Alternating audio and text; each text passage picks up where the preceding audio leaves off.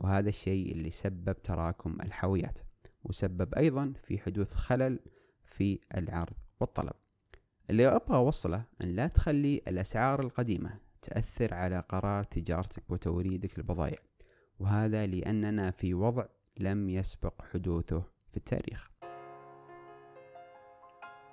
السلام عليكم وحياكم الله جميعا في بودكاست تاجر واستثمر.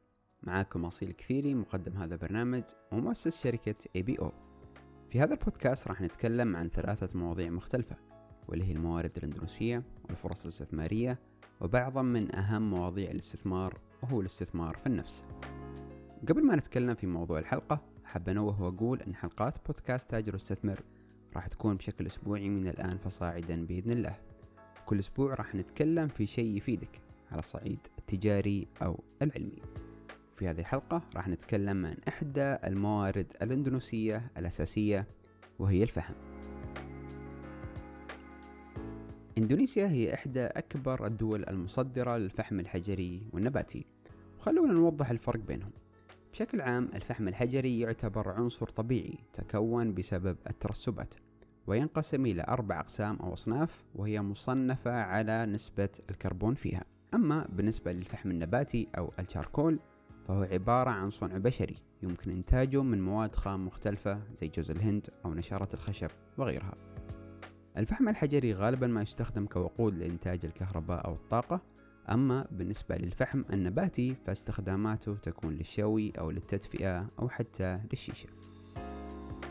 بالنسبة للإنتاج أو التصدير العالمي للفحم الحجري فإن إندونيسيا في التوب 5 دول المصدرة لها والمركز الأول في تصدير الفحم النباتي. لمواسم مختلفة راح يكون الطلب على أنواع معينة من الفحم مطلوبة أكثر من الأنواع الأخرى. ولكن في أنواع تكون مطلوبة على طول السنة زي مكعبات جوز الهند المستخدمة للشيشة. وبما أننا داخلين على موسم شتاء فإن الطلب على الفحم للشوي أو التدفئة عالي خلال هالفترة. ولكن أنت كتاجر لازم تكون عارف إيش صاير في السوق العالمي وأزمة ارتفاع الشحن والأسعار. خلونا نوضح الأسباب في ارتفاع هذه الأسعار باختصار.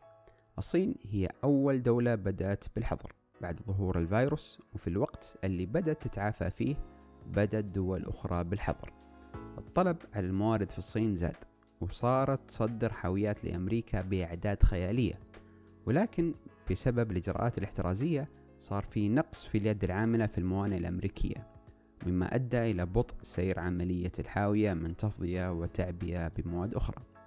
فصارت الصين تأمر الحاويات اللي تم إخلاؤها بالرجوع خالية وترك الحاويات التي لم يتم إخلاؤها في الميناء الأمريكي وهذا الشيء اللي سبب تراكم الحاويات وسبب أيضا في حدوث خلل في العرض والطلب. اللي أبغى أوصله أن لا تخلي الأسعار القديمة تأثر على قرار تجارتك وتوريدك للبضائع وهذا لأننا في وضع لم يسبق حدوثه في التاريخ. للاستفسار رجاء التواصل معنا عن طريق الإيميل المرفق في الوصف وندعي ونقول عام هجري سعيد مليء بالسعادة والنجاح والبركة والرزق الوفير. السلام عليكم.